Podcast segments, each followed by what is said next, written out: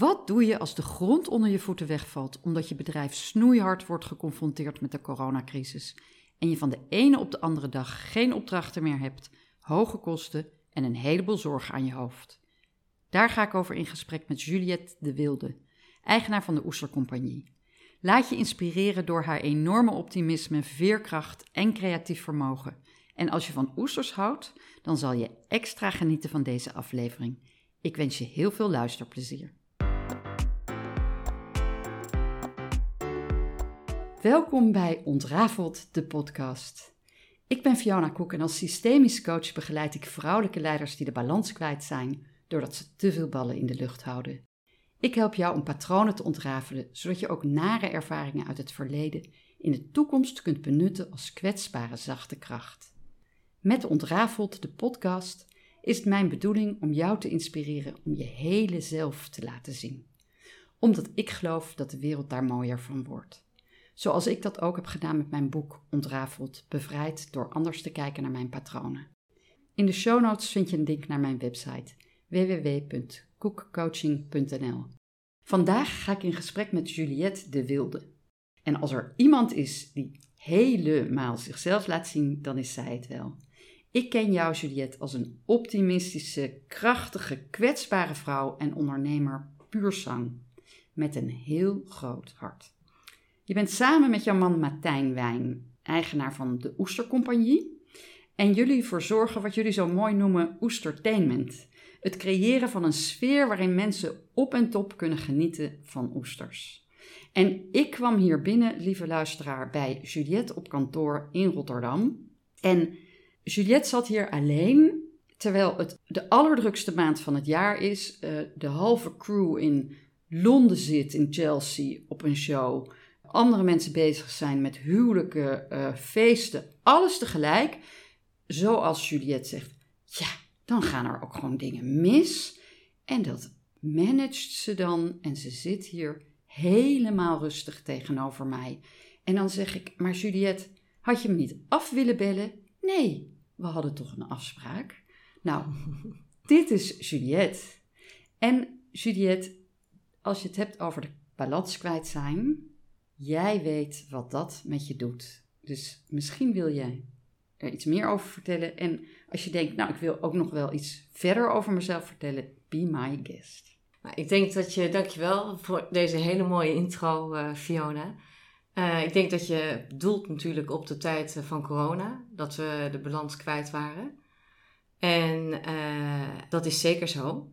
Ik weet niet meer welke datum het was. Volgens mij was het 9 of 12 maart dat de lockdown, de echt de hele intelligente lockdown er kwam. Hm. En we zaten met de kinderen te kijken, uh, met mijn drie zoons en hun vriendinnen. En ja, zij hadden niet in de gaten wat dat impliceerde. En, en ik voelde mezelf echt gewoon het, het bloed naar mijn hoofd stijgen. En dat zag ik bij mijn partner, bij Martijn ook. En de kinderen die wisten het misschien wel, maar die wilden het ook niet weten. Maar die meiden in ieder geval niet. En die dachten, oh, gaan we, die zeiden, zullen nou gezellig filmpje opzetten? En dat geeft misschien eigenlijk ook wel aan hoe het de ene getroffen heeft en de ander niet. Want je kan het gewoon niet voorstellen dat jij eruit gepikt wordt en helemaal dicht moet met je bedrijf. Terwijl anderen eigenlijk uh, terugkijken op die periode en zeggen: Nou, dat is eigenlijk best relaxed. Uh, ik heb thuis gewerkt, ik heb veel gewandeld. Uh, ik ben eigenlijk hele andere dingen gaan doen. Ik heb me kunnen onthaasten. Terwijl bij ons ehm, ja, eigenlijk het bedrijf implodeerde na 20 jaar. En misschien is het wel leuk om te vertellen, naar aanleiding van een voorbeeld, hoe ik me voelde. Ik kom normaal eigenlijk, ik heb heel veel energie, uh, kan ik niet wachten om naar de zaak te gaan. En uh, er staan er twee paar sportschoenen klaar om s morgens vanuit mijn bed hup, zo in te springen en naar de zaak te rennen. En dat hoefde dus niet. En toen moest ik denken aan een teamgenoot van mij. Ik heb in Amerika getennist, in Florida. En in mijn team zat iemand uit de Bahama's. En um, nou, met de vakanties werd ik vaak met haar meegevraagd om naar haar huis te gaan. Omdat ik natuurlijk niet iedere vakantie naar Nederland vloog. En dan gingen we mee naar haar familie. Nou, dat was in een deel van, van Nassau, Bahama's. En de achtertuinen van die mensen was onvoorstelbaar. Was een soort, nou ja, een soort, wat zal ik zeggen, vuilnisbelt. Alles wat ze niet nodig hadden gooide ze achter in die tuin. En ja, ik, ik snapte niet waarom mensen niet even dachten van... Goh, ik, ik rij naar de stort, ik huur een busje en weg met die meuk. En ik, en ik, ik schilder mijn, uh, mijn houten hekje en ik leg mijn perkje aan. En ik knap mijn huisje een beetje op. En daar heb ik toen in die tijd vaak aan gedacht, omdat ik opeens ook niets meer te doen had. Maar ik heb ook mijn hekje niet geverfd. En sterker nog, ik heb ook... Nou, ik gooide nog net mijn vuilnis niet in de achter, achtertuin, maar zo voelt het dus wel als, als zeg maar de adem uit je lichaam wordt geslagen, heb je nergens meer zin in. Dus ik had op, die, op dat moment snapte ik eigenlijk pas heel veel mensen die best wel apathisch zijn en, en er niet meer uit kunnen komen. Dat het heel moeilijk is als er geen toekomst is of geen uitzicht is om jezelf te motiveren en zeggen van nou we maken er wat van. Uiteindelijk um, scheelt het als je een team bent. Uh, ik denk dat meerdere teamspelers dat zeggen. Wij zijn inderdaad allebei uh, um, eigenaar. Als de ene een down heeft, heeft de andere een up en andersom. En dat scheelt wel. Dus we zijn een webshop begonnen en uh, we zijn wel een, ook een winkel hier in het pand begonnen. Dat scheelt. Dus we zijn wel activiteiten gaan ontplooien. Maar het is zeker zo dat je energie veel minder wordt als, als je toekomstperspectief weg is. Ja, ik herinner me ook hoe. Nou, dat is de eerste en enige keer dat jij daar echt wel doorheen zat. En zelfs toen weet ik nog dat we waren met een groep hele mooie, krachtige vrouwen. En dat jij daar ging staan in al je kwetsbaarheid. En zei: Ja, we hebben gewoon even helemaal niks. Dus als jullie ideeën hebben, graag. Ja, dat is wel heel raar. Vooral omdat je twintig jaar lang denkt uh, met vallen op, opstaan een zaak hebt opgebouwd. Uh, I've covered my horses. Op een gegeven moment denk je wel van nou, we bouwen een reserve op. En gelukkig hadden we dat ook. Omdat we de crisis in 2009 hadden meegemaakt. En toen hadden we in 2012 een kabinetsformatie dat Geert Wilders een minderheidskabinet liet klappen. En toen hebben we ook een economische dip gehad. En dat voelen wij altijd meteen, omdat we een luxe product hebben met onze oesters dan is het vaak wel dat mensen het zich kunnen uh, permitteren, maar niet het signaal willen afgeven. Dus wij zijn heel erg conjunctuurgevoelig. En dus wij weten ook wel wat het is om inmiddels, uh, weet je, het was heel moeilijk soms bij tijden om salaris te kunnen uitbetalen. Of als mei kwam, hadden we een buffer voor opgebouwd. Wij weten inmiddels wel hoe je dus moet omgaan, uh, hoe je moet budgetteren als bedrijf. Want je weet ongeveer wat je dus per, maand, per jaar omzet. Maar goed, een coronacrisis zagen we niet aankomen. Nee, nee, niemand. En wat je zegt, het kwam natuurlijk zoveel harder binnen bij de een dan bij de ander. En jullie hebben volgens mij ook wel helaas afscheid moeten nemen van bijna al je personeel, toch? Ja, klopt. En dat is interessant, want daarna, nu, as we speak, is het super druk. Dus heb je iedereen nodig die je kunt vinden. En er is ook nog eens een keer personeelstekort. Dus ben ik ook benieuwd hoe je dat hebt gedaan. En ja, hoe je dus verder die coronaperiode hebt overbrugd.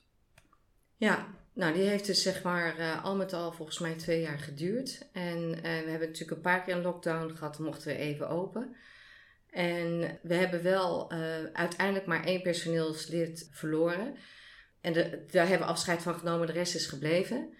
En die zijn tijdelijk, uh, hebben ze, uh, ja, hadden dus echt geen werk, hadden we wel zo'n overbrugging van de overheid. Ik moet ook zeggen dat we natuurlijk daar de nodige hulp van gehad hebben. En je kan, ik kan echt zeggen dat de sterke overheid wel zijn voordelen heeft. Mm. Want um, daar hebben we echt hulp van gekregen. Ook al moeten we dat nu terugbetalen, maar dat heeft ons echt geholpen. Dus dat um, heb ik zeker gezien als een voordeel dat onze Nederlandse overheid dat heeft gedaan. Want wij hebben ook een, uh, een vestiging in de Verenigde Staten en in Italië. Nou, de Verenigde Staten kregen we twee keer, nou, volgens mij was het twee keer 2000 dollar. En in Italië kregen ze alleen maar doekjes om te ontsmetten en mondkapjes. Die moesten echt interen, dus daar was het veel moeilijker. Maar goed, dus de Nederlandse overheid heeft wat mij betreft goed gedaan. En wij hebben dus onze mensen daarna, we hebben van één iemand uh, afscheid genomen. En, maar het is wel zo, dat zijn de mensen op kantoor, dat onze oesterpelers, zoals wij dat noemen, onze oestermannen en onze oestermeisjes, die studeerden door, die waren klaar. Dus die, er zit een, een tweejarige gat zeg maar in. Dus onze seniors waren afgestudeerd. En we hadden in die tussentijd geen nieuwe mensen aangenomen en ingewerkt. Dus daar zat het gat en daar heb ik nog steeds last van. Dus ik, ik, ik mis gewoon echt ervaren mensen die kunnen werken. En ja, eigenlijk ook dus een tekort. Dus ik moet soms ook gewoon nee aan de klant. Dat is best moeilijk. Oh, dat kan ik me voorstellen. Ja, ja. En dat is dat natuurlijk ook financieel lastig. Dat je, dat je, dus je mist ook omzet en je mist ja, marktaandeel. Weet ik niet. Hoe werkt dat? Hebben jullie anderen die het dan overnemen? Of zijn er niet zo veel anderen? Nou, het voordeel is als je bijvoorbeeld een druk weekend hebt. Uh, dus in juni zijn er uh, uh, vier drukke weekenden. dan hebben de andere concurrenten het ook druk. En oh ja. vaak oh ja. zijn dat eenmaandzaken, dus die pakken één keer een party. En dan, omdat wij zeg maar wat groter bedrijf zijn en meerdere oesterteners voor ons hebben werken, komen ze uiteindelijk bij ons terecht. Dus dat is, daar merken we niet heel veel van. Oké, dat, dat, dat is fijn. Ja, gelukkig. Ja. ja dat is fijn. Dus dan is er, zijn er gewoon geen oesters op die partij. Ja, ja of, of, of ze kopen het zelf of niet. Ja. Ja. ja. Nou ja, en, en het leven, jij kunt je natuurlijk niet voorstellen dat er een leven is zonder oesters. maar voor heel veel mensen is er een leven zonder oesters. Zo is dat. Ja, en wat je zegt, het blijft natuurlijk een luxe product, maar ook zo prachtig om dat te kunnen aanbieden. Dus jullie staan ook op de TFAF en op wat voor soort grote evenementen komen jullie? Ja, TFAF is dus een antiek, of sorry, kunst- en antiekbeurs. En uh, dat is uh, oesters en kunst gaat goed samen. En wij bouwen dan uh, op zo'n op zo'n beurs een oesterbar op. Die eigenlijk, dus die beurs die, die wordt helemaal van niets af aan opgebouwd. En inclusief die oesterbar. En wij zijn daar eigenlijk een vast onderdeel van. En mensen die kunstminnend zijn, houden ook van oesters. Dus dat, wij worden daar vaak bij gevraagd. Wat ontzettend leuk. Ja. En je zei net, het is natuurlijk heel lastig om personeel te vinden. Nou, dat is op dit moment voor iedereen zo en zeker in de horeca. Hoe lukt het jullie om um, uh, wel aan je oesterjongens, mannen en vrouwen te komen? Eigenlijk via het netwerk. Oh ja. En ik kan me voorstellen, altijd als ik jullie zie of hier ben en, en mensen ontmoet, het zijn allemaal hele leuke, vrolijke, jongens en meisjes, mannen en vrouwen, die heel veel uh, ownership laten zien en heel veel verantwoordelijkheid. Want je stuurt ze natuurlijk op pad met een duur product in dure, neem ik aan, wagens en, en koelingen. En het is natuurlijk een enorme onderneming. Of, ja. ja, dat is een leuke vraag die je stelt. Nou, het is ook zo, uh, als, als wij dus mensen aannemen, dan zeggen we, kijk, we kunnen jou het oester openen, kunnen we je leren. Tenzij je echt met twee linkerhanden bent geboren. Dus dat kunnen we je leren. Maar het is meer dan dat. Uh, jij, bent, uh, jij bent eigenlijk de, de, de act die avond. En je moet binnen durven komen en je open durven te stellen. En, en zeggen van, hé, hey, hier ben ik, ik heb de oesters bij me. En erover durven te vertellen. Dus dat vergt wel wat van jou. Maar als je naar Brussel Zuid moet op, op vrijdagavond, nadat je eerst een huwelijk hebt gedaan in Utrecht, dan zit je 2,5 uur in de auto. En God mag weten waar je terecht komt. En wij hebben natuurlijk wel contact gehad met die mensen. Maar uh, is best spannend. Je moet het kunnen vinden. Uh, gelukkig hebben we natuurlijk nu wel um, Google Maps, maar toch. Je komt eraan met je oesters. Je hebt geen idee wat voor soort feest het is. Of misschien hebben we dat dan wel gezegd, maar we weten, je kent natuurlijk deze mensen niet. En wij zeggen um, altijd, we betalen je eigenlijk best wel goed. omdat we ook het bovengemiddelde van jou verwachten. Want het kan zijn dat je bijvoorbeeld een keertje op het factuuradres staat. Of dat jij uh, je set bent vergeten, je oesterset. Of dat je mesje breekt. Er kunnen allerlei dingen gebeuren. En dan moet je jezelf eruit zien te redden. En daar kan ik hele leuke verhalen over vertellen. Maar goed, um, vaak komt het inderdaad wel goed. Dus ze moeten wel wat kunnen. En in het begin zeg ik ook van, het kan ook niet voor jou zijn. En dat, dat merken we snel genoeg. En dan, het zijn vaak wel uh, ook inderdaad uh, studenten waarmee we werken, eigenlijk allemaal. En je merkt dat zij dat aanvoelen en ook leuk vinden. Ze vinden het spannend. Wauw, dus die vindingrijkheid die jou zo kenmerkt, die zoek je ook in al je personeel. ja, eigenlijk wel een beetje. En het leuke was, ik sprak uh, Martijn, die was dus vanmorgen uh, met de metro naar Chelsea gegaan. Ze logeren in een, in een huis in de buurt van uh, die Art Fair waar we nu zijn, de Treasure House Fair. En hij zat naast mevrouw in de metro en toen zei hij good morning. En toen zei ze, nobody says good morning anymore.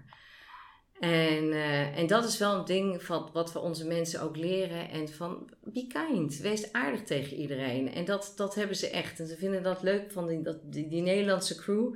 Die brengen enorm veel energie en eh, spontaniteit.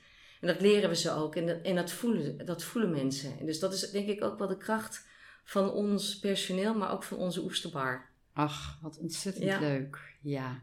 En het is ook wel iets wat ik terug herken. Ik heb een hele internationale familie. En als mensen dan Nederland bezoeken, dan zeggen ze ook... Nederlanders zijn ook gewoon spontaan en, en open. Mensen vinden Nederlanders altijd heel open. Ja, Nederlanders zijn leuke mensen. Dat klopt. Ja, Vergeten we wel eens. Ja, ja maar dat, dat hoor ik, horen wij ook terug. En, en het leuke is bijvoorbeeld op zo'n kunstbeurs, de vaste klanten, dat zijn de galerijhouders. En als we, we staan nu eh 18 jaar op de TFAF, dus daar hebben we ook een relatie mee. En die, en die komen even een verhaal vertellen. Die komen even home of thuis, zeg maar, op zo'n beurs. Ja, ja, ja, ja. Grappig. Ja. En jij was er ook trouwens, bedenk ik me, vorig jaar toen die aanslag, eh, waren jullie er? Ja, Ja. Oh ja. Ja. Spannend. Dat was ook wel schrikken. Ja, dat is wel leuk om te vertellen dat iedereen naar buiten, maar buiten moest. Maar Martijn die bleef tot bij zijn bar. Die denkt, aan mijn kassa komen ze niet. Wat een held. En het is gelukkig goed gegaan, want Eh, hij eh, zit nu in Chelsea, dus zei je er nog. ja, Ehm, ja, ik, je zei net, ehm, eh, ik kan wel wat voorbeelden noemen. En Ik dacht, ja, misschien is het toch wel gewoon leuk voor de luisteraar om één of twee van, van die verhalen te vertellen, te horen. Welke vindingrijkheid, het beroep wat er soms wordt gedaan op jouw mensen. Dus misschien kan je, het is Ja. gewoon, heeft niets te maken met ballen in de eh, balans kwijt zijn. Nou ja, heeft alles te maken met balans kwijt zijn en Ja. ballen in de lucht houden trouwens. Dus, even uit het veld geslagen zijn. Ja, ja, vertel. Ja, Ehm, nou, een van mijn zoons, we hebben dus drie zoons en die, die, die, die worden dus ook, of die zijn alle drie ingezet. Eh, de oudste is na tien jaar afgezwaaid, die heeft echt gezegd ik stop ermee. Maar de tweede, die had eigenlijk, eh zo'n aantal jaar geleden, had net zijn rijbewijs en die zou naar een klus gaan in Antwerpen op een vrijdagmiddag. En het was voor een modebedrijf en we waren eh, de eigenaar van een belangrijk mode, modebedrijf. En we waren al een paar keer gebeld door de cateraar dat, dat we koet op tijd moesten komen. Dus die oestertenen die moesten op tijd zijn. Nou, ik weet niet meer hoe laat, maar laten we zeggen om eh, half zeven in Antwerpen. En eh, nou, mijn zoon die had zijn ges- gestreken en die was om kwart over drie klaar om te gaan. En eh, nou, het autootje klaar en eh, hij heeft zijn eh, oesters ingeladen en om kwart voor vier is hij weer terug. Ja, zegt hij, ik ben mijn blouse vergeten. En ik denk, oh, en ik ging rekenen. Ik denk, ja, vrijdagmiddag naar Antwerpen. Nou, weet je wat je dan het beste kan doen? Rij maar via eh, Berg op Zoom, want nu de A16 pakken beter niet. Nou, en weer een half uur later word ik gebeld door hem. En hij zegt, een- door een ander nummer, een vreemd nummer. Hij zegt, mama, eh, mijn telefoon is leeg en ik kan nergens een op- oplader krijgen. We, hebben het echt over vijf, zes jaar geleden. En wat is het adres? Dus eh, ik zei, jongen toch, wat is het adres? Nou, hier is het adres. En eh, ik zei, nou, zorg dat je ergens je telefoon kan opladen. En nou, vervolgens heb ik uren geen contact meer met hem. Dus ik denk, nou, dit wordt weer helemaal niks. Ik, ik hoor niks. En wij hebben natuurlijk gebeld naar Antwerpen. Gezegd, ja, we, wellicht is de oesterman wat te laat. Nou, die belde wel uit zichzelf. Want het was half zeven, kwart voor zeven, kwart over zeven, kwart voor acht. Half negen kwam die aan. En ehm, nou, eh, uiteindelijk eh, weet ik al die tijd niets. En belde die me op een gegeven moment om kwart over elf. En hij zei, mama, het is zo goed gegaan. Ik heb het kaartje van de eigenaar gekregen. en hij heeft me een stage aangeboden. Nou, wat was er gebeurd? Hij had helemaal zijn telefoon nergens kunnen opladen. Dus hij was op de Bonnefoy naar Antwerpen gereden. En was daar gaan vragen gewoon aan mensen waar die straat was.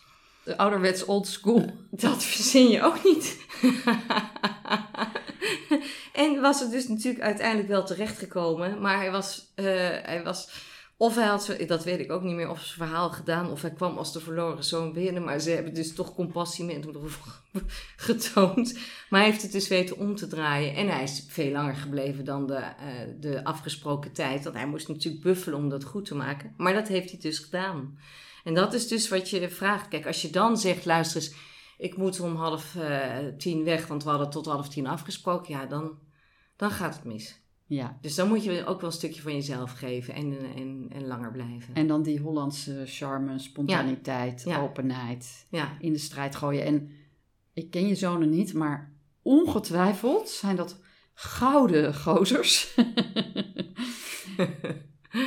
ja dus dat was eh, voor hem eh, ook een goede leerschool natuurlijk. Hè? ja, maar Ja. wat ontzettend gaaf. Ja, laat je telefoon even op voordat je gaat. Ja, Ja, detail. maar ook ja. eh, afgelopen, ehm, wat was het? Afgelopen dinsdag vertrokken er vier man naar Engeland, naar Calais dus. De, die namen de tunnel. We gaan in de auto zitten en gaan eens kijken waar Calais ligt. Ja. ja. Maar ja, misschien was ik zelf ook zo. Maar ja, wij zouden nu zeggen, ja, kijk toch de avond van tevoren even waar ik moet zijn. Oh ja, oké, dus, ja, eh, dus ja, dat wegvinden is wel een dingetje. dat begrijp ik. Ja. maar ja, nu eh, zitten we hier en het gaat goed en, en je draait allerlei partijen tegelijk. Je kunt eh, met een gerust hart terugkijken op die periode waarin echt, wat je zegt, hè, de grond onder je voeten weggeslagen was. Wat, wat heeft jou staande gehouden? Welke tips heb jij voor andere vrouwelijke leiders die volledig de balans kwijt zijn? Ja, dat is natuurlijk wel eh, heel breed, die vraag die je stelt. Want dat, dat ligt natuurlijk toch ook, denk ik, aan een beetje welke business je in bent. Ehm, want als je echt volledig je balans kwijt bent, dat kan natuurlijk verschillende oorzaken hebben. En ehm, eh, vaak is toch, eh, denk ik, wat we eigenlijk allemaal doen, is gewoon doorgaan.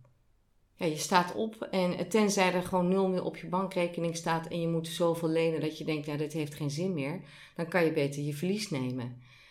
Eh, maar al- als er voor jou licht aan de horizon is en je denkt van, ah, ik zie er toch wel kansen in en ik geloof in het product wat ik heb of de dienst die ik lever, dan moet je daarmee doorgaan. En dat is natuurlijk moeilijker in het begin, in het eerste jaar natuurlijk, is het moeilijkste jaar. Dan heb je de eerste vijf jaar. Maar dan zie je toch wel een patroon en denk je van, ah, het valt wel mee en het komt wel, wel, weet je, het wel weer op zijn pootjes terecht.